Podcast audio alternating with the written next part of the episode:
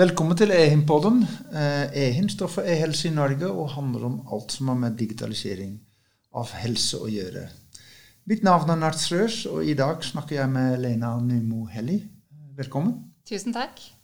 Du har blitt leder i Norway Health Tech for noen måneder siden. En viktig profil i innovasjonsmiljøet innenfor helse.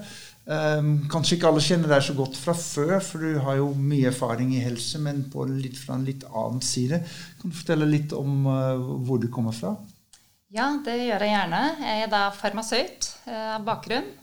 Uh, og har jobba egentlig mer enn 25 år i internasjonal farmasøytisk industri. Mm -hmm. Både på forsknings- og utviklingssida og like mye på den kommersielle sida. Og ikke minst også mye med markedstilgang, som har jo blitt et veldig viktig tema i løpet av særlig de siste årene. Jeg har stort sett jobba ut fra Norge, men hatt forskjellige ansvarsområder geografisk i Norden. Og så har jeg i tillegg bodd og jobba to år i Tyskland.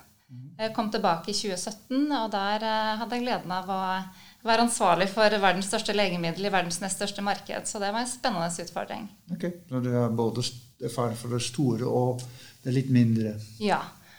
Og siste rollen jeg hadde, var som daglig leder for Abvi i Norge. Mm. Så jeg har vært innom mange aspekter av den delen. Og det er også en Sånn som jeg liker å tenke på helseteknologi, så er det jo legemidler, men også vaksiner, det er diagnostiske tester, det er medisinsk utstyr, og ikke minst helseteknologi. Og logistikkløsninger også. Så, så, mye på digitale data. Og disse tingene går litt mer inn i hverandre etter hvert. Det har jeg også sett ved min bakgrunn fra farmasøytisk industri. Så etter den perioden så har jeg vært en tur innom Hayden Venture. Og jobba litt sammen med teamet der for å få litt mer innblikk i investeringssida, som jo også er veldig viktig for helsegründere. Absolutt. Å få kapital både privat og offentlig. Og så gikk veien da videre til Alip, hvor jeg var forretningsutvikler og også starta opp et program for å binde tettere sammen offentlig og privat sektor med akademia og startups. Alip er en organisasjon Ja, og Alip er en helseinkubator. Mm. Uh, som for så vidt er spunnet ut av Norway Healthtech i, i sin tid, uh, og som da hjelper selskaper særlig i tidlig fase. da, Startup-selskaper innenfor helse bredt. Mm. Eh, og så er det jo sånn at det har eh, veldig stor lidenskap for helse generelt. Mm. Også veldig nysgjerrig på alt som skjer innenfor det digitale og digitalisering. Mm. Og også ledelse brenner jeg veldig for. Så da var det en veldig fin mulighet å kunne bli daglig leder i Norway Health Tech. Mm. Hvor jeg får kombinert eh, alle de tingene og også være med på å påvirke fremtida mm. innenfor det området. Ja, så, og så er det da du har fått. Den er du opptatt av Katrine Myhre, som har lenge vært en veldig sterk, sterk frontfigur i Norway Health Tech, tidligere Oslo Medtech. Um, vi går også i en ny fase med, med innovasjon og, og, helseteknologi. Vi har sett uh, store endringer i Norge i det siste. Uh, Pandemien har også vært en pådriver. Vi har fått en helsenæringsmelding, så det er mye å ta fatt i. Mm. Uh, de første månedene har vært kanskje hektisk på jobben. De har absolutt vært veldig hektisk og veldig spennende og lærerik. Og ikke minst er det jo spesielt å starte i ny jobb i disse helt digitale tider også, hvor man mm. også skal bli kjent eh, digitalt. Eh, men jeg har også i særlig den siste rollen som daglig leder i, i en norsk filial av et internasjonalt legemiddelselskap jobba veldig mye med helsenæring. Jeg har vært veldig engasjert i helsenæringsmeldinga og har jo også sittet i styret i Legemiddelindustriforeningen. Eh, sånn at det, det, området var jo sånn sett veldig kjent. Eh, og jeg brenner jo også veldig for å bygge helseindustri. Eh, I tillegg så har jeg også et styrelederverv i vårt nordligste helseforetak. Og det gir meg jo veldig god innsikt i behovene også fra den offentlige sida. Mm. Og ikke minst muligheten til å være med og, og påvirke også veien videre fra den sida. Og det tenker jeg er veldig nyttig også inn i den rollen her. fordi at eh, helseklynga skal jo ta hensyn til begge perspektiver. Mm. Både behovene, behovssida fra helse- og omsorgstjenesten, men også hvordan da løsninger, gode løsninger fra helsegründerne og selskapene kan møte de behovene. Eh, du er jo styreleder i Finnmarkssykehuset oppe i nord. Eh, hvordan er det å jobbe i, også med sånn offentlig verv inn i en offentlig helseforetak? Det er for det første veldig spennende og veldig lærerikt. Og det har jo vært et spesielt år hvor man egentlig står litt sånn i en holdt si, dobbel spagat mellom beredskap. Og selv om det er utbrudd eller ikke, så må man jo alltid være beredskap. Så det er klart det har vært veldig mye fokus på det. Det andre er at man skal ha normal aktivitet, hva nå enn det er og blir fremover. Men man skal ha den daglige driften og det man har et oppdrag om å utføre. Eh, og så skal man jo tenke innovasjon, eh, digitalisering, nye løsninger i tillegg. Eh, og Finnmarkssykehuset har en fjerde ting, fordi at vi bygger også nytt sykehus. Som også skal da bli fremtidens sykehus, sånn at det gjør at man kan jobbe på en annen måte også digitalt i forhold til logistikk og mm. arbeidsmetoder. Så det er jo veldig spennende å få lov å være en del av det her. Og når det gjelder det å ta i bruk eh, nye digitale løsninger, så må jeg si at jeg er litt imponert også hva de har fått til eller i Finnmarkssykehuset med å åpne nå en, den første innovasjons- og e-helseklinikken. Eh, og eh, fokusere mye på innovasjon, og ikke minst digital hjemmeoppfølging av pasienter. Eh, og i en, eh, et område hvor det er så store avstander, så er jo det kanskje ekstra viktig og eh, nyttig. Mm. Eh, både store avstander og mye utfordrende værforhold. Da. Hvordan kan man klare å både behandle og følge opp eh, pasienter og brukere nærmere der de bor. Ja, Derfor kan jo veldig, gi veldig direkte gevinster for, for, de innbyggerne som bor der. Ja, det kan det. Og, og for sykehuset så kan det jo være ressurssparende ved at man bruker videokonsultasjoner, og at det blir færre pasientreiser og reisekostnader. Eh, og for de som, eh, som, bor hjemme, kan jo da enten bli behandla hjemme hos seg sjøl, eller kanskje i nærheten hos helsetjenesten lokalt.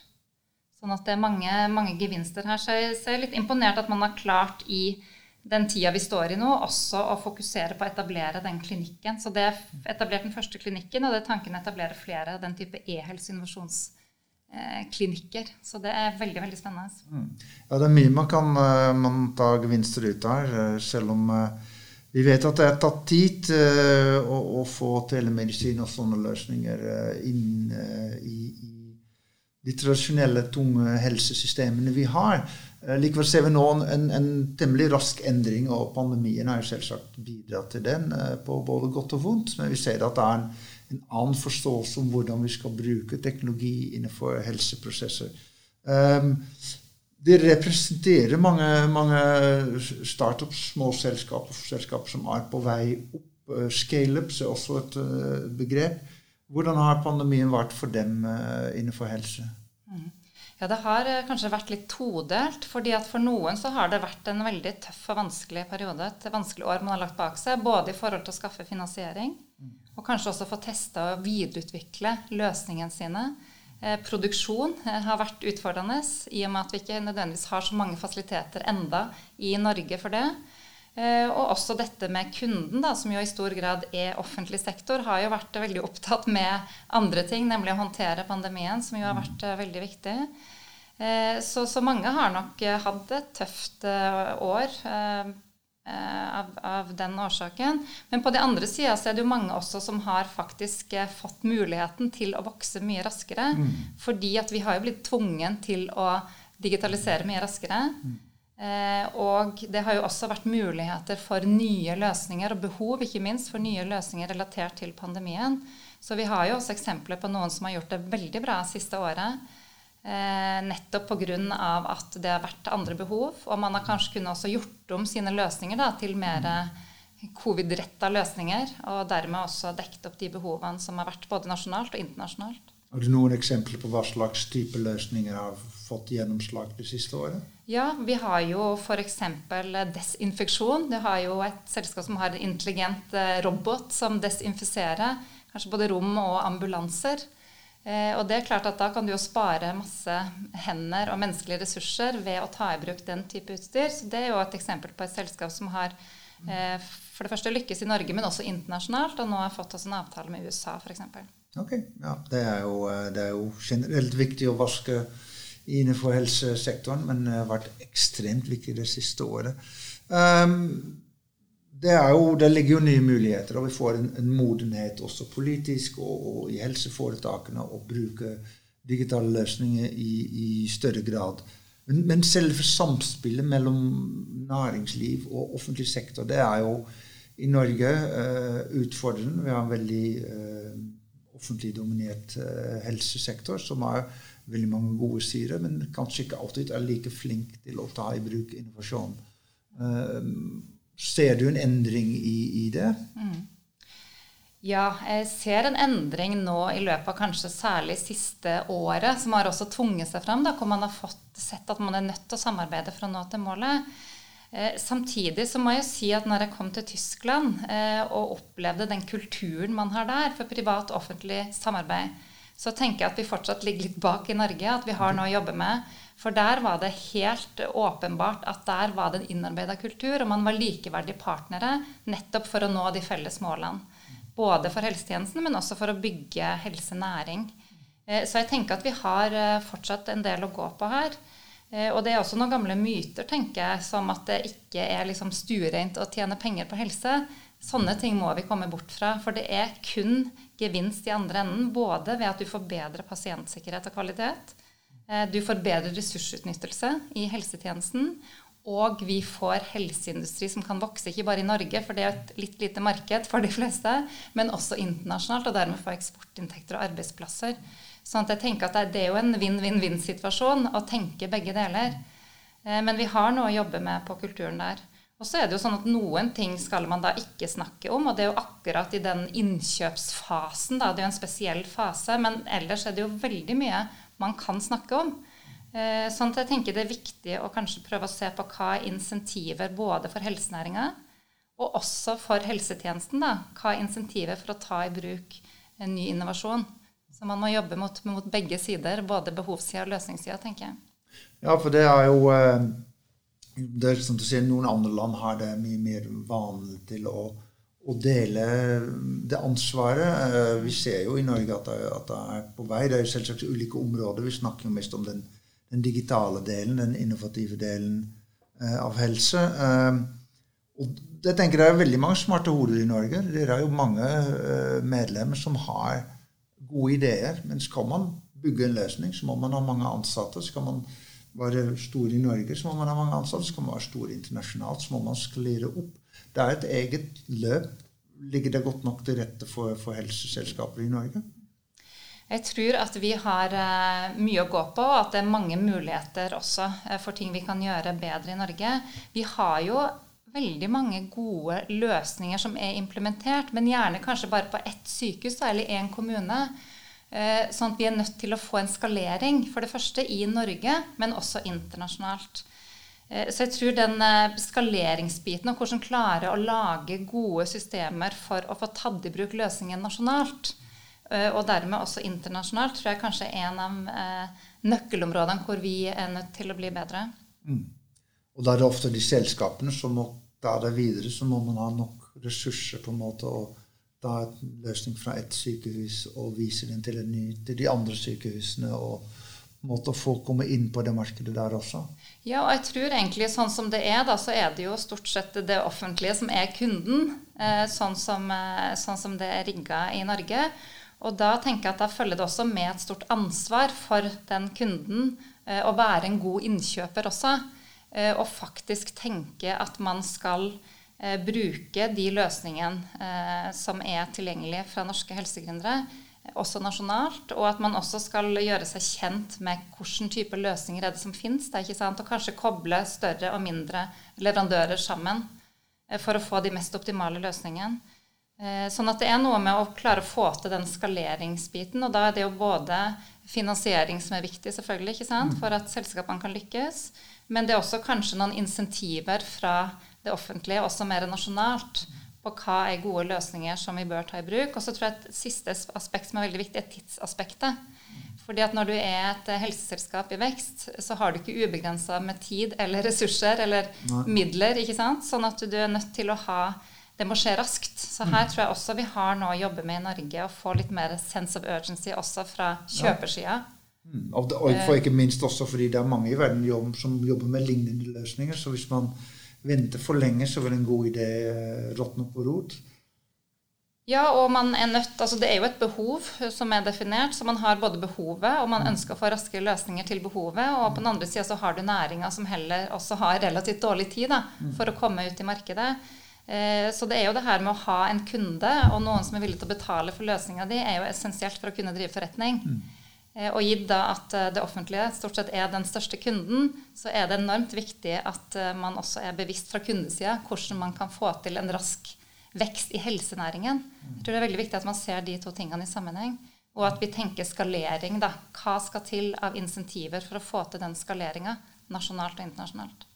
For det er ingen tvil om at, eh, at helse er jo tradisjonelt et veldig viktig område. Men dette her med, med digitalisering og, og, helsedata, bruk av helsedata Vi har jo sett noen nye eh, virkemidler i pandemitiden, ikke sant? hvor en smitteapp og, og andre typer muligheter, uh, bruk av data, blir tatt i bruk. Dette er et meget stort område internasjonalt sett. Hvis man tenker alt fra genetikk, helsedata, eh, velferdsteknologi, endrende demografi Det er mye å hente her for et næringsliv. Veldig mye. Hvis man ser litt på de store trendene da, fremover sant, mm. innenfor helse, så er det jo at man går mye mer til å sette pasient og bruker i sentrum enn at man setter kanskje en sykehusavdeling eller en kommune i sentrum. Det er rundt hvordan kan vi jobbe og dekke behovene best mulig til pasienten. Og da kommer jo helsedata veldig inn i bildet. For det kan jo være både fra helseregisteret, men det kan jo også være fra apper, fra medisinsk utstyr, fra sensorer, ikke sant? som da sender data, har muligheten til det, men da må det også være et mottaksapparat for å ta imot de dataene og kunne bruke dem da, til å f.eks. spesialtilpasse behandling til pasienten, oppfølging, og også gjerne forebygging, som jo er en annen trend at man vil forebygge mer enn å behandle. Så her er det jo et kjempepotensial og eh, mulighet for å bruke dataene til å få enda bedre pasientkvalitet og, og sikkerhet, men også bedre ressursutnyttelse da, i helse- og omsorgstjenesten. Det er jo også noe vi trenger fremover. Ja. Og så tenker jeg også at uh, Hvis du ser innenfor IT-bransjen at de som er store, har også kapasitet å se på sikkerhet og personvern og uh, kan dynamisk utvikle seg mot nye teknologiske trender. Så hvis, Det er jo fint hvis man har små selskaper som er lokalt tilpasset, men man har den tunge datautviklingen som man må koble seg opp til, så man må få en viss robusthet for at man kan følge med de utviklingene der. Ja, og her er vi jo inne på noe av essensen. Hvordan få til både smidig løsning for pasient, bruker og helsepersonell, og en sikker løsning for helsevesenet. Og det er jo akkurat i det skjæringspunktet her tror jeg det er veldig veldig mye å gjøre med å få til kanskje f.eks. tenke på standarder, da, internasjonale standarder for løsningen, sånn at både de som leverer, altså løsningsleverandøren, vet hva de skal utvikle seg mot, og at de som skal ta i bruk, også er klar på at du har en løsning som er også internasjonal anvendbar. Så jeg tenker litt sånn testmuligheter, da, fasiliteter for å teste ut løsningen er jo kjempeviktig for å kunne få til den dataflyten og ivareta begge de behovene. Ikke sant? Vi har jo ganske gode helsetjenester i Norge, og vi har gode tillitsbaserte systemer også oss mellom innbyggerne og klinikere og offentlig sektor. Så vi kan jo basert på det utvikle gode digitale løsninger som da kan være mm, gode eksportprodukter også. Ja, og vi ligger jo langt framme på mange områder i Norge. Vi har jo en del konkurransefordeler ikke sant, med at vi er veldig digitalisert da, som, som befolkning. Eh, vi har høy kompetanse. Og så er det det å bruke det da, til å også koble på disse eh, Lage testfasiliteter eller lage gode løsninger for at du kan få disse eh, nye databaserte helseteknologien tatt i bruk også i den etablerte helsetjenesten. Og det skjæringspunktet der tror jeg vi har litt å jobbe med eh, for å få det til å disse systemene til å snakke sammen. Mm. Men Norge som, som testarena får en del løsninger, det kan være en, god idé. Det er oversiktlig, vi har gode data, høy utdannet eh, befolkning, veldig godt digitalisert. Så det kan være en bra uh, utgangspunkt? Jeg tror det kan være et fantastisk utgangspunkt. fordi vi har også fordelen med raske kommunikasjonsveier. Vi er få folk. Uh, vi kan snu oss fort og være smidige. Uh, det har vi jo vist nå i pandemien. Når vi må, så gjør vi det. Og jeg tror det er viktig å ta med seg det videre inn, at vi kan være et sånt testpilotland. Og det så jeg også veldig godt når jeg var i Tyskland. Og så hvor mye raskere ting kan gå i Norge nettopp av den grunn. Og at vi er, har raske kommunikasjonsveier og er veldig digitalisert. Så det fortrinnet tror jeg vi er nødt til å utnytte mye bedre. å være som pilotland og gå foran på dette området. Samtidig ser vi at Norge er jo et lite land. Hva med noen sider vi må tenke mer nordisk? På en måte få mer samarbeid på, i de nordiske landene. Og ikke minst for å lage et mer standardisert fellesmarked, sånn at det er lettere å selge på tvers av de nordiske grensene. Hva er deres erfaring med det? Ja, jeg tror det er et veldig godt poeng at vi må også tenke litt større. fordi at vi er et lite land, og for helsegründerne så er jo Norge et viktig marked å komme inn på først. For det er jo første spørsmålet du får når du kommer ut. Hvordan går det med salget ditt i hjemmemarkedet? Så det er veldig veldig viktig. Samtidig så er Norge et lite marked, så vi er nødt til å tenke bredere. Mm. Og hvis du ser liksom blikket utenfra inn, som jeg har gjort mange ganger, som kommer fra internasjonale selskaper, så ser man jo ofte på Norden også samla. Så jeg tror at her kan vi styrke oss også som region hvis vi klarer f.eks. å gjøre testing da, på nye løsninger som er tilpassa Norden, eller som kan tas i bruk i Norden samtidig etterpå. Og Samtidig så må vi igjen tenke også internasjonale standarder. Men jeg tror Norden kan stå sammen eh, sterkt også eh, ut mot det store verdensmarkedet. Ja, fordi det er jo f.eks. opplegg i Kina, Singapore, vært aktiv i Canada. Eh, så Sverige, mange andre dere har inn, inn på Norse Healthtechs side, er jo en del uh, programmer dere kjører uh, inn mot EU. Uh, hvordan ser du på Norges rolle in, internasjonalt? Jeg tror vi har veldig store muligheter internasjonalt, og det er jo noe vi jobber med også. Å gå nemlig, som du nevner, til flere markeder der ute. Og det er viktig for våre eh, selskaper å lykkes i disse markedene. Eh, og så er det sånn at det er jo veldig forskjellig. altså Bare Tyskland er jo nesten som 16 land å komme inn i. Så man er nødt til å ha gode hva skal vi si, eh, gode hjelpemidler og gode, godt nettverk. Og noen som hjelper deg inn i de forskjellige landene. For det er litt sånn unikt per land. da, Og til og med innad i landet er veldig forskjellig for å klare å lykkes i de markedene. Eh, så her tenker jeg at det er viktig at vi har sånn som oss i klynga, da, som kan hjelpe til med å eh, vise vei inn i nye markeder. Og vi jobber jo også selvfølgelig tett sammen med andre klynger, og også Innovasjon Norge og andre aktører som, som eh, vil hjelpe til med internasjonalisering. Og så kan man si at da får vi mye tilbake til Norge også, i form av f.eks. For eksportinntekter. Mm. Og så jobber du du nevnte andre klynger, f.eks. Oslo Cancer Cluster og Norwegian Smart Cluster. Eh, og dere har også samarbeid eh, om, om, noen områder som dere i fellesskap prøver å utvikle. Ja. Det viktigste for oss er jo å klare å hjelpe så mange eh, helsegründere og selskaper som mulig til å lykkes nasjonalt og internasjonalt, og samtidig også få en mer eh, bærekraftig, effektiv helse- og omsorgstjeneste. Og det målet deler vi jo med de andre klyngene, så vi samarbeider tett med dem for å kunne få enda mer effekt sammen eh, på noen områder. Og noen områder så har vi jo delt oss litt i forhold til hovedsatsingsområdet, da. Eh, sånn som vi har eh, digital helse- og medisinsk eh, utstyr så som hovedsatsingsområde. Så da jobber vi kanskje hver for oss, men også, også mye sammen for å få ut synergieffekter. I og med at vi også er et lite land, eller få folk, så tror jeg det er viktig at vi også står tett sammen, særlig når vi skal ut mot det globale markedet. Du har jo bakgrunn fra, fra farmasi. Farmasiselskaper er jo ganske store, ofte store internasjonale selskaper. Uh, vi ser noen på IT-side også store konserner. Og på en måte kan også dra erfaring av ulike land og, og flytte ressurser fram og tilbake.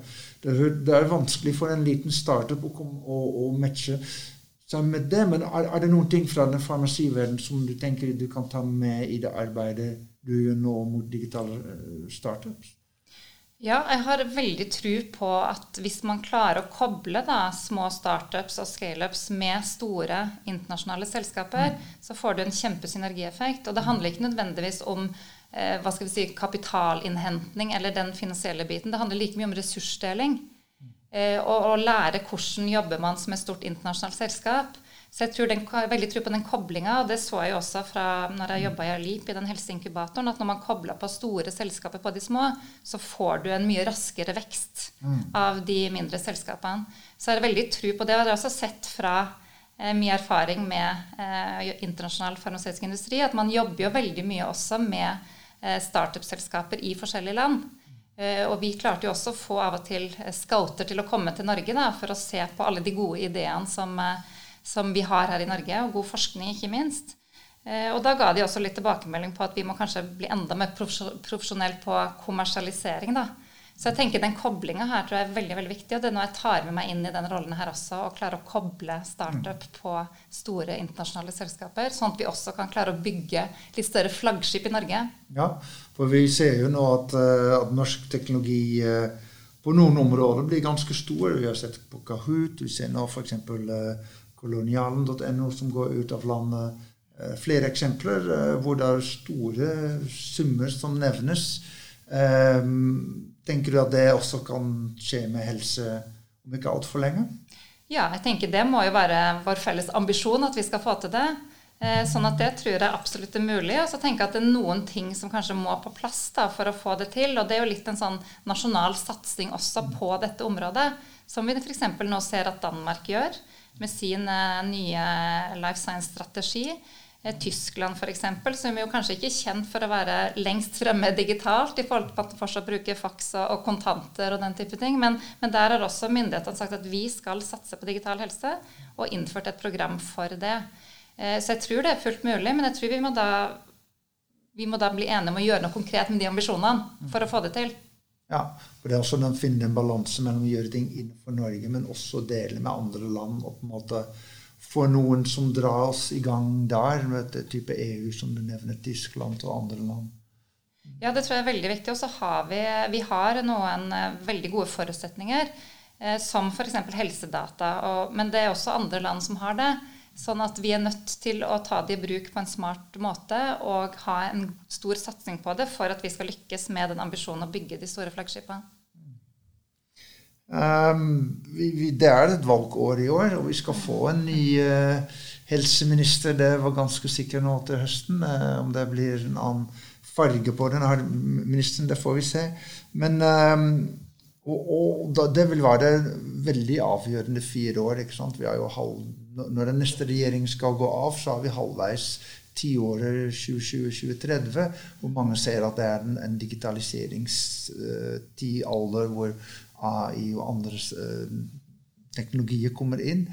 Hva, hva, må en helseminister gjøre for å sørge for at Norge i løpet av de neste fire årene kommer inn på, på riktig spor på helsenæring? Hvis jeg kunne ønske meg noe, så kunne jeg ønske meg en helse- og næringsminister. Ja, Det var jo bra. det, det syns jeg hadde vært uh, veldig veldig spennende. For jeg tror at man er nødt til å se ja. næring og tjenesten i sammenheng for å klare å lykkes. Det tror jeg kanskje er et veldig, veldig viktig fundament. Eh, og så tror jeg at man må Det er jo ambisjoner, og vi har jo helsenæringsmelding. Men, men, vi må gjøre noe, legge noe mer kraft bak det, både finansielt, men også kanskje med nye ordninger da, hvor man kan dele litt risiko. Se f.eks. til olje- og gassbransjen. Der har du leterefusjonsordninger. Mm. Sånn at hvis du ikke finner olje, så får du refusjon. Kort fortalt. Okay. Hva med på helsesida? Det er jo veldig strengt og ganske komplisert løp, både for å få godkjent løsningene dine og ikke minst for å teste dem ut. Hva hvis man da hadde noen sånn delt risikoløsninger også for all den testinga? For du kan jo teste i flere år, og så får du ikke de resultatene du hadde håpa på. Og da er det å rykke tilbake til start. Ja. Og da må du hente inn ny kapital. Du må starte på nytt. ikke sant? Bygge opp team og innhente ressurser osv. Så. Eh, så det eh, kunne jeg ønska meg at man liksom sa nå skal vi virkelig satse på helseindustri i Norge. Vi skal legge penger bak. Vi skal investere. Eh, i dette området. Og det jeg også kunne tenke meg da, var et nasjonalt testsenter. Et såkalt nasjonalt helsekatapultsenter. Hvor man nettopp kunne få testa ut løsningene sine for å få de raskere ut i markedet, og at de blir raskere tatt i bruk av helse- og omsorgstjenesten. Så det kunne være både datatesting, det kan være testing i forhold til produksjon. Eh, det kan være testing også på syntetiske data, ikke sant? sånn at man slipper å på en måte komme innenfor grensen på å bruke pasientdata, da, men få testa ut løsningene sine. Er det digital testing, er det et fysisk sted hvor man også kan teste ting? Det kan være både og. Så jeg tenker at her kan man tenke nasjonalt, og så kan man knytte sammen de forskjellige testmiljøene man allerede har. Mm. Eh, men det jeg tror vi kanskje trenger Vi trenger testing på alle områder, men vi trenger jo veldig testing på det digitale området, nettopp for å få kobla på eh, løsningen med med de datasystemene man har i dag da, innenfor helse- og omsorgstjenesten. Og ikke minst når man skal utvikle nye løsninger, at man kan ha, vite hva som skal til. Hva er de internasjonale standardene? Hva er det vi må, hvordan må vi bygge vår løsning for at det skal kunne eh, snakke med løsningen på behovssida? Og hva skal Norway Healthtechs rolle være i dette store spillet? Ja, så Norway Healthtech, Vi ønsker jo da samarbeide med de andre klyngene og andre innovasjonsmiljøer i Norge for å få til et sånt nasjonalt eh, eh, testsenter, nasjonal helsekatapult. Eh, og det er klart, Vi trenger jo da også midler til å kunne gjøre det. Jeg håper at det kunne bli en av de store satsingene til den nye helse- og næringsministeren, bl.a. du sier at du vil ha en minister som både har en helsehatt og en næringshatt. Hva, hva er fordelen med det? Jeg tror Hvis vi skal klare å lykkes med å både bygge helseindustri og få et mer si, bærekraftig helse- og omsorgstjeneste også i fremtida, eh, så må vi faktisk prioritere begge deler. Eh, og i dag, f.eks. når man skal ta i bruk nye løsninger eh, og innføre det i Norge, så har man jo prioriteringskriterier, og det er bra for å ta beslutninger.